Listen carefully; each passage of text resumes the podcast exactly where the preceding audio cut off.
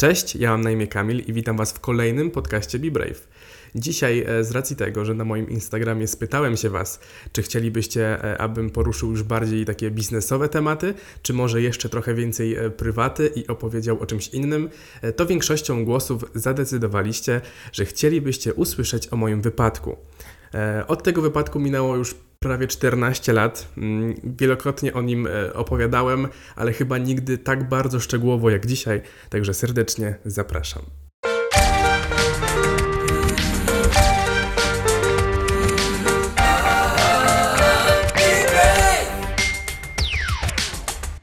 To był 23 kwietnia 2008 roku i od tego czasu minęło prawie 14 lat. Jeżeli będzie mi się dzisiaj trochę załamywał głos, to przepraszam, ale mimo, że tyle lat minęło i ten temat jest dla mnie taki mm, już luźny, opowiadałem o nim wielokrotnie wielu osobom i mam do niego taki stosunek, że potrafię się nawet z tego śmiać, to jednak wracając wspomnieniami do niego, jest mi bardzo dziwnie. Pamiętam ten dzień, jakby to było wczoraj, pamiętam e, jaka była pogoda że było bardzo słonecznie, było bardzo ciepło. Byłem wtedy uczniem szóstej klasy szkoły podstawowej. To było zaraz po egzaminach szóstoklasisty i to był taki już trochę luźniejszy moment w szkole, ale jednak trzeba było pamiętać o tym, że zaraz koniec roku szkolnego, więc trzeba się postarać, żeby poprawić wszystkie oceny, żeby na świadectwie mieć jak najwyższe, bo przecież zaraz idziemy do gimnazjum. Ja jestem z tych roczników, e, które chodziły do gimnazjum i tak też było tamtego dnia. Pamiętam, że zgłosiłem się do tego, aby zrobić jakiś plakat, projekt. Co prawda nie pamiętam na jaki przedmiot, e, ale doskonale pamiętam, że moją misją po szkole e, było pójście do sklepu takiego papierniczego u nas na osiedlu i kupienie żółtego Brystolu. Nie bez powodu mówię o tym plakacie, dlatego że a propos niego będzie mała anegdotka. E, natomiast doskonale pamiętam, jak poszedłem do tego sklepu po szkole, kupiłem co miałem kupić, wróciłem do domu. Wciąż była bardzo ładna pogoda. Moja mama wtedy była w domu i czekała na takiego fachowca, który do nas przyjdzie, zmierzy nam kuchnię, bo będzie projektować i robić remont. E, I e, pamiętam, że powiedziałem mojej mamie, że fajniej by było mieć telefon z aparatem. Ja chyba wtedy nie miałem e, aparatu w telefonie, albo był jakiś taki słaby. I moja mama zaproponowała, że w takim razie wymienimy się telefonami. I ja stwierdziłem, że to jest świetny pomysł i powiem moim znajomym, że w takim razie, skoro mam telefon z ciut lepszym aparatem, to może pójdziemy na sesję zdjęciową na nowe bloki. Nowe bloki to jest taka charakterystyczna nazwa osiedla u nas e, we Wrocławiu na Gaju, bo to było pierwsze osiedle, które powstało tak naprawdę po naszym bloku z Wielkiej Płyty. I co z tego, że dookoła wybudowało się mnóstwo innych już osiedli i bloków, to wciąż te jedne, pierwsze nazywane są nowymi blokami. E, I zaproponowałem moim znajomym, że pójdziemy na taką sesję zdjęciową, aparatem z telefonu e, i zrobimy sobie jakieś fajne zdjęcia. Moja mama powiedziała: Dobrze, możesz iść, ale masz wrócić o 19.30, bo przecież musisz zrobić projekt do szkoły. I ja wtedy powiedziałem: Tak, tak, oczywiście wiem, wrócę, e, zrobię projekt i będzie wszystko super. Spotkałem się gdzieś na osiedlu z moimi kolegami. Nie pamiętam ilu ich było, ale pięciu, sześciu, siedmiu.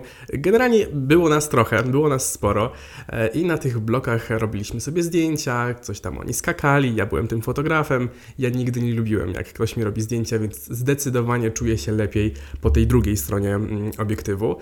I e, no, trochę to trwało, chodziliśmy sobie trochę po osiedlu. W końcu wylądowaliśmy na takim zamkniętym osiedlu. To już nie były te nowe bloki, to były w zasadzie nowsze bloki od tych nowych bloków wspomnianych. No bo też warto dodać, że no, wszyscy e, praktycznie moi znajomi ze szkoły mieszkali gdzieś na osiedlu, bo to była e, podstawówka bardzo blisko mojego miejsca zamieszkania. I kiedy zobaczyłem, że zbliża się 19.30, a ja byłem dość słowną osobą i chciałem wrócić na czas, no to powiedziałem, że słuchajcie, ja muszę powoli spadać e, i e, no, najszybszą drogą do tego, aby wyjść z tego osiedla było przeskoczenie przez płot. Myślę, że wiele osób w tym momencie już się domyśla, co się stało później, ale zanim przejdę do konkretów, to Wam powiem, że to był taki czas, kiedy e, no, była taka moda chyba. Ja byłem takim małym skejcikiem, miałem takie szerokie buty, takie wiecie, co się nie wiązało tych sznurówek, takie szerokie sznurówki. E, no, Taka, taka moda kiedyś była, te prawie 14 lat temu. E, I kiedy mm, wszyscy moi koledzy przeskoczyli przez ten płot, e, nadeszła moja kolej i ja również chciałem tak zrobić. Niestety, e, no, no nie udało się. Z racji tego, że miałem te szerokie buty, no to noga mi się ześlizgnęła i no, efekt był taki, że kolce, które były w tym płocie na samej górze, wbiły mi się w szyję. A z racji tego, że wbiły się w tą szyję, to odskakując z tego płotu, szarpnąłem tą szyją i rozerwałem sobie tak naprawdę całą szyję.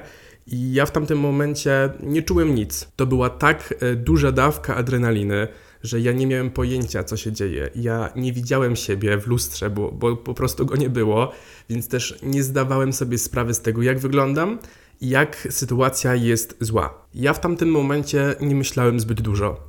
Ja wiedziałem, że w takim razie stało się coś złego i ja jak najszybciej muszę wrócić do domu. Na tym zamkniętym osiedlu e, były ogródki, takie na parterze. Zobaczyłem, że jeden z tych ogródków ma otwarte drzwi, więc przeszedłem przez ten ogródek, przeszedłem przez to mieszkanie, w środku byli ludzie i wyszedłem tym mieszkaniem. Z racji tego, że wiedziałem, że przez płot nie przejdę, a jakoś wydostać się muszę, minąłem sporo ludzi.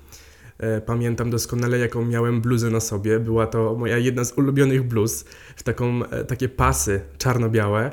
E, no później już tak naprawdę czarno-czerwone. Idąc całe to osiedle, trzymałem sobie tak naprawdę wnętrzności tej szyi. Nie wiedziałem, co się tam dzieje, czułem tylko bardzo dziwną konsystencję i ciepło. Mm, minąłem po drodze sporo ludzi. Wszyscy patrzyli się na mnie z niedowierzaniem o co chodzi, bo idzie koleś, który. No, koleś, ja wtedy byłem no, 13-letnim chłopcem, e, idzie i trzyma swoje wnętrzności cały zakrwawiony i nie wiadomo o co chodzi. I ja wtedy wyjąłem telefon, zadzwoniłem do mojej mamy, mama odebrała i ja powiedziałem: Mamo, Wracam do domu, a moja mama takim no, spokojnym głosem mówi: Dobrze, jakby spokojnie wracaj. E, jest już pan Grzegorz, który tam tutaj mierzy kuchnię, e, także czekamy spokojnie. Doszedłem do bloku, wjechałem windą na trzecie piętro, otworzyłem drzwi do mieszkania i na przedpokoju stała moja mama i pan Grzegorz. I to jest chyba jedyny fragment, którego nie pamiętam z tego wszystkiego, bo nie wiem, co się działo wtedy z moją mamą.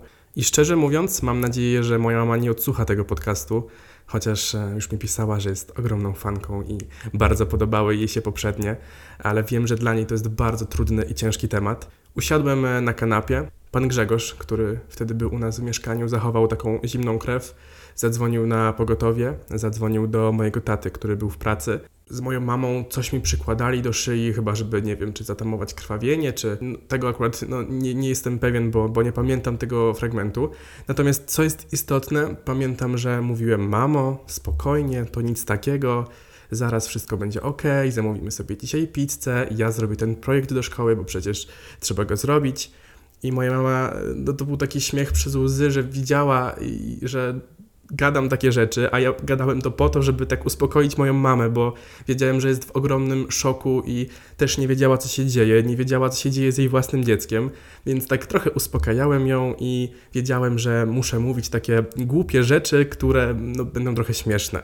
Karetka nie przyjeżdżała przez długi czas, aż e, wiem, że ktoś dzwonił ponownie, żeby ją pośpieszyć, bo no, czas jest tutaj bardzo, bardzo istotny. Nie mam pojęcia, ile czekaliśmy, ale chyba około 40 minut. W końcu ratownicy e, przyszli do mieszkania, zobaczyli jakby w jakim ja jestem stanie i podjęli decyzję, że natychmiast jedziemy do szpitala.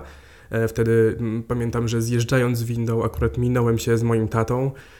Pamiętam jego wzrok, e, też nie do końca zdawał sobie sprawę z tego, co się aktualnie dzieje. Wychodząc z klatki z bloku, zobaczyłem bardzo dużo ludzi.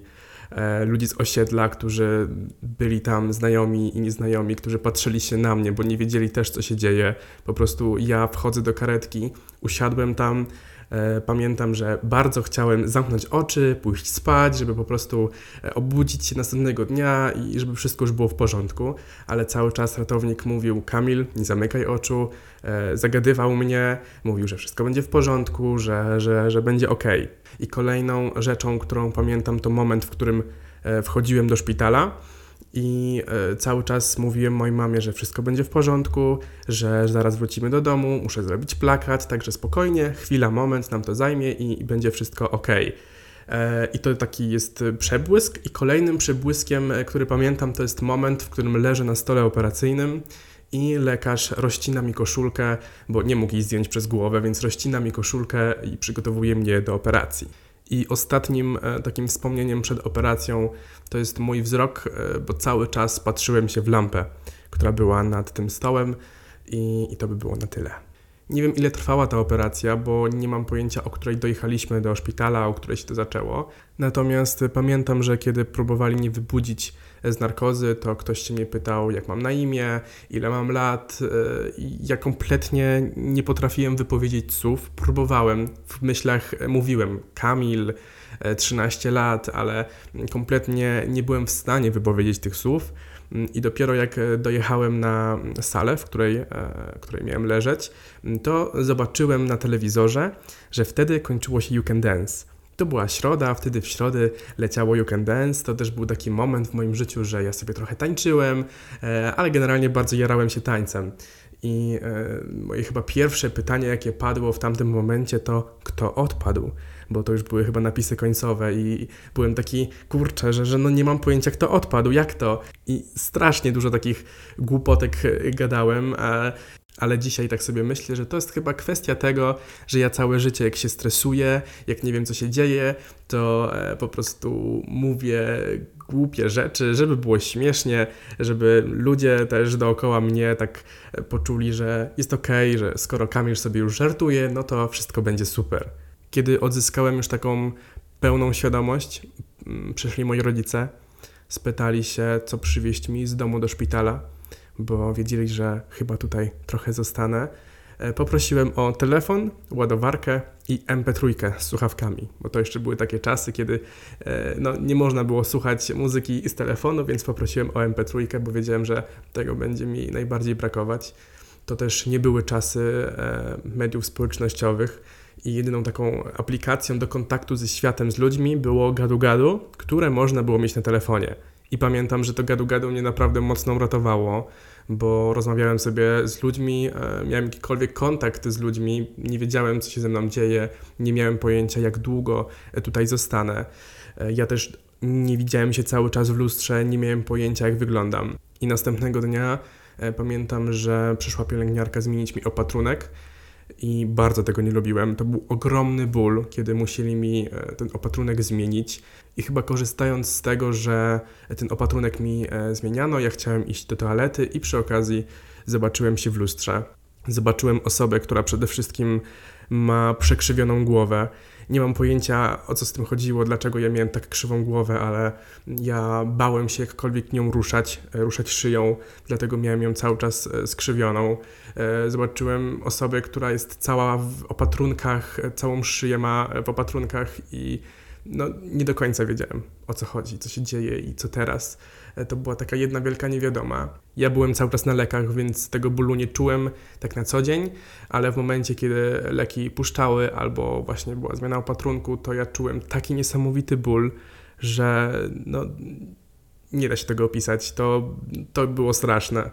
Ale ja mam to do siebie, że wszystkie rany u mnie się bardzo, bardzo szybko goją. I nieważne co to jest, e, to wiedziałem, że ja, ja dam radę, ja to przetrwam.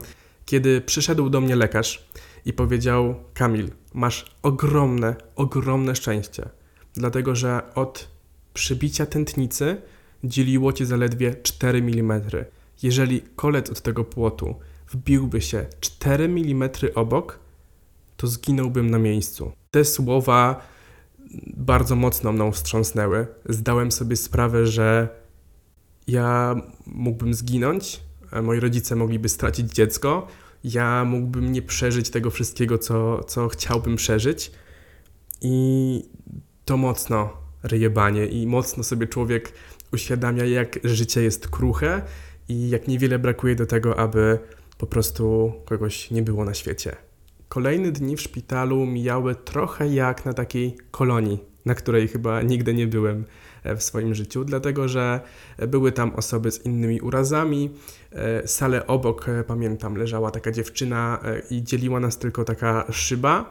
e, więc z takim chłopakiem, chyba miał na imię Karol, E, co prawda nigdy więcej go w życiu nie spotkałem, ale wtedy e, dobrze się z nim dogadywałem. Co prawda ja się nie mogłem za bardzo ruszać z łóżka, więc tylko mogłem gdzieś tam machać sobie rękami. E, on miał chyba ten komfort, że mógł sobie chodzić po sali i stwierdziliśmy, że super śmiesznie będzie, jak będziemy wyłączać telewizor tej dziewczynie w pokoju obok, bo przecież przez szybę ten pilot też łapie. No i tak się droczyliśmy z tą dziewczyną przez jakiś czas. Ja też koło północy albo pierwszej w nocy musiałem przyjmować kolejne dawki leków. E, I to też był taki moment, kiedy chyba za głośno się śmieliśmy czy, czy rozmawialiśmy, i przyszła pielęgniarka i właśnie powiedziała: Słuchajcie, to nie jest kolonia, to jest szpital. E, ale dla mnie to było takie mm, fajne, że okej, okay, e, był wypadek, jest jak jest, ale mimo wszystko cieszę się z tego, że żyję, więc nie będę e, super grzeczną osobą, bo nigdy taką nie byłem, e, ale jednak to było takie fajne, że, że mogę dalej e, się bawić, dalej się śmiać, mimo że przez długi czas nie było nikomu do śmiechu, zwłaszcza w mojej rodzinie. I każdego dnia, kiedy był obchód codziennie rano lekarski, mocno wierzyłem w to, że usłyszę słowa wypisujemy Wszyscy wokół e, to słyszeli. Ja przez kolejne dni nie. I moim takim stałym punktem było to, jeżeli już mogłem podnieść się z łóżka, bo przez pierwsze chyba dwa albo trzy dni no, no, ciężko było mi coś takiego zrobić, bo cały czas czułem ból e, podnosząc się, ale w końcu udało się i, i mogłem sobie chodzić po tym szpitalu, po korytarzach. I takim moim stałym punktem było takie krzesło na końcu korytarza. Tam sobie siedziałem godzinami e, i słuchałem muzyki zazwyczaj bardzo smutnej, bo jakoś taki mód chyba był dla mnie najlepszy, żeby otrząsnąć się z tego wszystkiego. I po siedmiu dniach był taki obchód właśnie rano. Lekarz na mnie popatrzył, to był 1 maja i powiedział: Wypisujemy. To było coś niesamowitego. Ja wtedy poczułem, że ozdrowiałem, już jest wszystko w porządku i jest ekstra. E, napisałem wtedy też do mojej klasy ówczesnej, bo dostałem informację, że chcieliby się wybrać całą klasą do tego szpitala do mnie, żeby mnie odwiedzić. Więc napisałem im: Słuchajcie, akcja odwołana, nie musicie przyjeżdżać, bo ja wychodzę ze szpitala. I e, zadzwoniłem do mojej mamy, powiedziałem: Mamo, e, i pamiętam te słowa. Powiedziałem: Mamo, możesz brać limuzynę i przyjeżdżać do mnie, dlatego że zostałem wypisany. Wtedy jeszcze nie zdawałem sobie sprawy z tego, że zostałem wypisany dlatego, że 1 maja e, ten szpital ogłosił strajk, więc wypuszczali wszystkich e, chyba, którzy nie mają zagrożenia życia, żeby jak najmniej osób było w tym szpitalu, bo e, oni będą strajkować. Ale dla mnie to nie była większa różnica, po prostu wiedziałem, że będę leżeć w domu i tam przyjmować wszystkie leki i co tam trzeba. Liczyło się dla mnie to, że będę w swoim łóżku, w swoim otoczeniu e, i, i e, wiedziałem, że to jest najlepsza opcja. Do szkoły w zasadzie nie wróciłem, a przynajmniej nie w takim stopniu normalnym. E, nauczyciele z racji tego, że ja nie byłem złym uczniem, ale może nie byłem też piątkowym, postanowili pójść mi trochę na rękę i przepisać oceny z pierwszego semestru, chyba że była jakaś taka słabsza, to zdarzyło się, że podnieśli mi ocenę o jedną wyżej, no, żeby nie robić mi problemów, żebym po prostu szedł do e, gimnazjum. Ja i tak szedłem do rejonowego, więc oceny tutaj nie grały roli, ale nie chcieli mi robić problemów. E, też wszyscy oczywiście wiedzieli, że ja jestem po wypadku, jestem w szpitalu i no nawet nie mam jak wrócić e, do szkoły. Moja ówczesna wychowawczyni zaproponowała mi lekcję na Skype'ie, żebym łączył się na Skype Skype'ie i tam e, będą mi wszystko tłumaczyć. I to było naprawdę kochane ale ja nawet nie bardzo miałem jak usiąść do tego komputera, bo ja cały czas leżałem, e, ale i tak e, to była super opcja i mega się cieszę, że no 14 lat temu to nie było normalne. Lekcje zdane to nie było coś na porządku dziennym, a i tak nauczyciele wyszli z taką inicjatywą i jestem im bardzo za to wdzięczny. U nas w szkole robiło się takie zdjęcia grupowe, klasowe, albo wszystkie szóste klasy, albo jakoś tak to wyglądało i wróciłem tam, żeby zrobić sobie z nimi zdjęcie. Szczerze mówiąc, nie chcę widzieć tego zdjęcia. Nie mam pojęcia, czy w rodzinnym archiwum zdjęć e, jest to konkretne. E, miałem przekrzywioną głowę, wyglądałem strasznie, ale jednak, no okej. Okay było, minęło. E, pamiątkowe zdjęcie jest. Akurat szkoła podstawowa to był bardzo ciekawy etap mojego życia i wydaje mi się, że taka pamiątka jest jak najbardziej w porządku. ale najbardziej interesowało mnie to, jak długo będę mieć bliznę na szyi. Chyba wtedy jeszcze też nie zdawałem sobie sprawy z tego, że będzie mi towarzyszyć do końca życia, jeżeli sam na przykład jej nie usunę. Moja mama sprowadzała specjalne jakieś maści, chyba z Niemiec, żebym mu smarował tą szyję, żeby ta blizna była jak najmniejsza. Bardzo chciała zadbać o mój komfort psychiczny, żebym w kolejnych latach się nie musiał tym stresować. Co prawda, no przez parę ładnych lat ta szyja była bardzo duża, taka, wiecie, wypukła, świeża i e, no, nie czułem się ani komfortowo, ani dobrze. Trochę starałem się ukrywać tą szyję. Ja też e, po tym wypadku zacząłem nosić jakieś takie, nie wiem, chyba arafatka to się kiedyś nazywało, żeby po prostu nie widzieć tej szyi w lustrze e, i wtedy moja głowa była spokojna. Ale cały czas w głowie najważniejsze było dla mnie to, że żyję i szczerze mówiąc, y, najmniej obchodziło mnie to, jak wyglądam i, i co się dzieje wokół mnie. E, najważniejsze było to, że żyję, że mogę dalej się realizować i robić super rzeczy. Ja wtedy też y, tak rozmawiałem z moimi rodzicami i uświadomiłem ich, że słuchajcie, skoro żyję i mam się dobrze, to ja chcę żyć na maksa po swojemu. I ja chcę podejmować decyzje takie, które uważam za słuszne. Jeżeli będą złe, nawet jeżeli wy myślicie, że są złe, to dajcie mi zrobić to, co ja myślę, nawet jeżeli to będą złe decyzje, nawet e, jeżeli coś się nie uda i będę musiał e, odpokutować za to, to ja chcę to zrobić. Ja prawie straciłem życie i teraz jest czas na to, abym w końcu żył pełnią życia po swojemu. Moi rodzice to absolutnie zrozumieli. Powiedzieli: Świat jest twój, rób co chcesz e, abyś był szczęśliwy. I tak w zasadzie e, zaczyna się całe moje życie, bo mam wrażenie, że ten 23 kwietnia to są takie moje drugie urodziny, mimo że te prawdziwe są 9 maja, czyli praktycznie zaraz po, po tym wypadku, to wiem, że tego dnia wydarzyło się coś, co na całe życie już zmieniło wszystko. I wiem, że brzmi to bardzo coachowo, że nie wszystkim się to spodoba, co mówię, ale ja na maksa Wtedy wiedziałem, że nie ma co marnować żadnego dnia w swoim życiu. Wiedziałem, że ja chcę mieszkać w Warszawie, chcę mieć własną firmę, ale no ciężko było to zrealizować w wieku 13 lat, więc na dziesiątą rocznicę tego wypadku e, właśnie przeprowadziłem się do Warszawy i otworzyłem e, firmę, o której wspominałem w poprzednim odcinku. To wszystko się tak złożyło w czasie, za co jestem wdzięczny sobie, bo ja o to walczyłem i to wszystko była moja decyzja ja e, od 13 roku życia podejmowałem wiele kroków do tego, aby być w tym miejscu, e, w którym jestem teraz, i nie bałem się podejmować bardzo często decyzji, mm, które na pozór wydawały się bardzo ryzykowne, bardzo nieracjonalne, e, ale wiedziałem, że jeżeli nie ja, jeżeli nie teraz, to kiedy? Przecież jutro może wydarzyć się bardzo podobny wypadek. No, może tym razem nie będę skakać po płotach.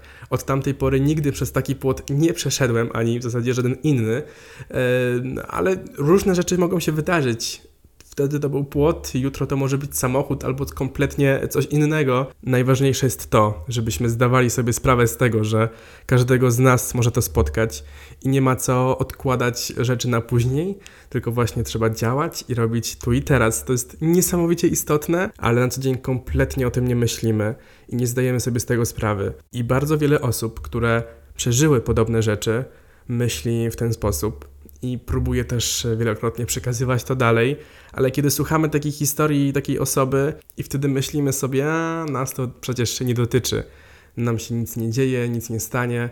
Nie wiem, czy satysfakcjonuje Was ta historia.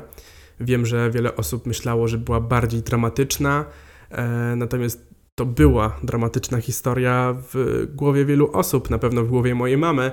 Dzisiaj ja mam do tego taki stosunek, że potrafię się z tego śmiać, bo umówmy się, chłopak przechodził przez płot, miał za szerokie buty, noga mu się ześlizgnęła i nadział się na kolce. No nie jest to normalne. Ale ja nigdy nie byłem normalny, więc też nie ma co tutaj um, oczekiwać, że nawet wypadki będą normalne. Ta sytuacja pokazała mi, ilu fantastycznych ludzi miałem wokół siebie, ile ja dostałem wiadomości, ile ja e, dostałem wsparcia od osób, od których kompletnie bym się nie spodziewał. Więc cieszę się bardzo, że otaczam się takimi ludźmi, którzy byli skłonni mi pomóc we wszystkim. Ja tylko potrzebowałem spokoju, e, leków e, przeciwbólowych i żeby ktoś zmieniał opatrunek, bo ja sam nie byłem w stanie. I, i tyle.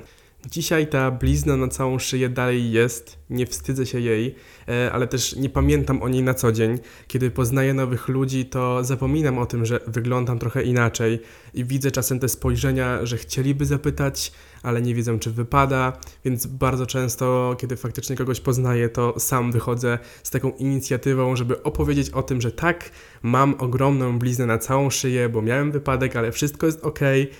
Co prawda ta szyja jest trochę taka większa, ale y, obiecuję sobie od kilku miesięcy, że umówię się na taki zabieg, który usunie trochę e, nadmiar tego, co się tam znajduje, żeby nie mieć takiego drugiego podbródka, e, ale też planuję tatuaże na szyi, więc jakoś to będzie. I to tyle, jeśli chodzi o moją historię. E, na koniec mogę tylko dodać, że trzy miesiące później wyjechałem z rodzicami na wakacje i już było całkiem w porządku, całkiem normalnie. Mogłem już ruszać głową. E, po kilku, kilkunastu tygodniach już mogłem jakby wyprostować głowę, więc mi to nie zostało e, i bardzo się cieszę, że skończyło się to całkiem pozytywnie, ale ja też od samego początku wiedziałem, że to skończy się dobrze, mimo że lekarze nie byli od początku takiego zdania i martwili się, co to ze mną będzie, ale ja mam niesamowicie ogromne szczęście w życiu, więc skończyło się wszystko jak najbardziej w porządku. Ja Wam już bardzo dziękuję za dzisiejszy podcast. Obiecuję, że kolejne już będą bardziej biznesowe. E, już powoli będę zapraszać pierwszych gości, którzy opowiedzą e, o bardzo fajnych rzeczach. E, ten, tak jak wspomniałem, był dlatego, że na Instagramie mnie o to poprosiliście. Także jeszcze raz bardzo, bardzo dziękuję za dzisiaj i do usłyszenia.